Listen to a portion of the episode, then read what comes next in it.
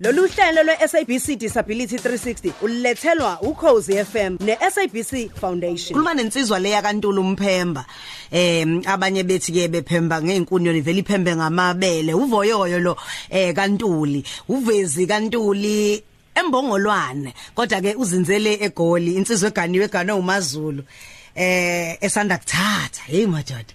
Eh lensizwa lesixoxa nawe nje eh ingenye einsizwa umculi iyona oqala eyashaya ikwaito kubantu abangabone emehlweni ayibone emehlweni lensizwa uproducer ingumsakazi.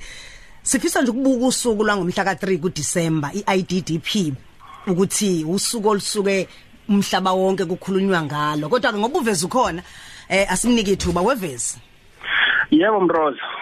Siyakubingelela ukhosini FM olumaphiko Ngama ngivume kakhulu ngivumele phezulu ngithi ke ngiyabonga ukwamukelwa kuKhosi FM.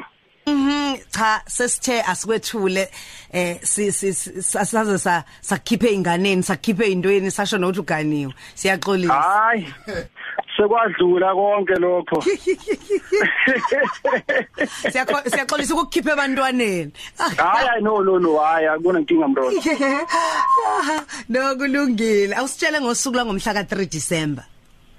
Eh Mroza kuyangibingele ke bonke abalaleli bokhozi FM igama lami kuvoyo uvezi kaNtuli nje weseshilo umroza ngiphuma lapha eshowe embongolwane ndikilini ndayisi. Eh Mroza umhla ka3 usuku olukhulu emhlabeni wonke jikelele lapho ke wonke umuntu okhubazekile ezobe kevala lenyanga okhumbulayo ukuthi ke yaqalwa ke ngaye ke uNovember ngomhla ka1 uma beyivala kabayivali ke eksasa ngomhla ka30 izovalwa ke ngomhla ka3 3 lapho ke kuzobe kubhekwa nje zonke izinto ezibalulekileyo abantu ka abakhubazekile abaphila ngaphansi kwazo ezingcindezi nezinto ezinhle ezingabhekisiswa abantu abakhubazekile abakwazi ukuyiveza emphakathini nezifihlekile kanye ke nakho konke okusenza singabantu abakhubazekile siyiqhenye ngakho sizithande ngakho.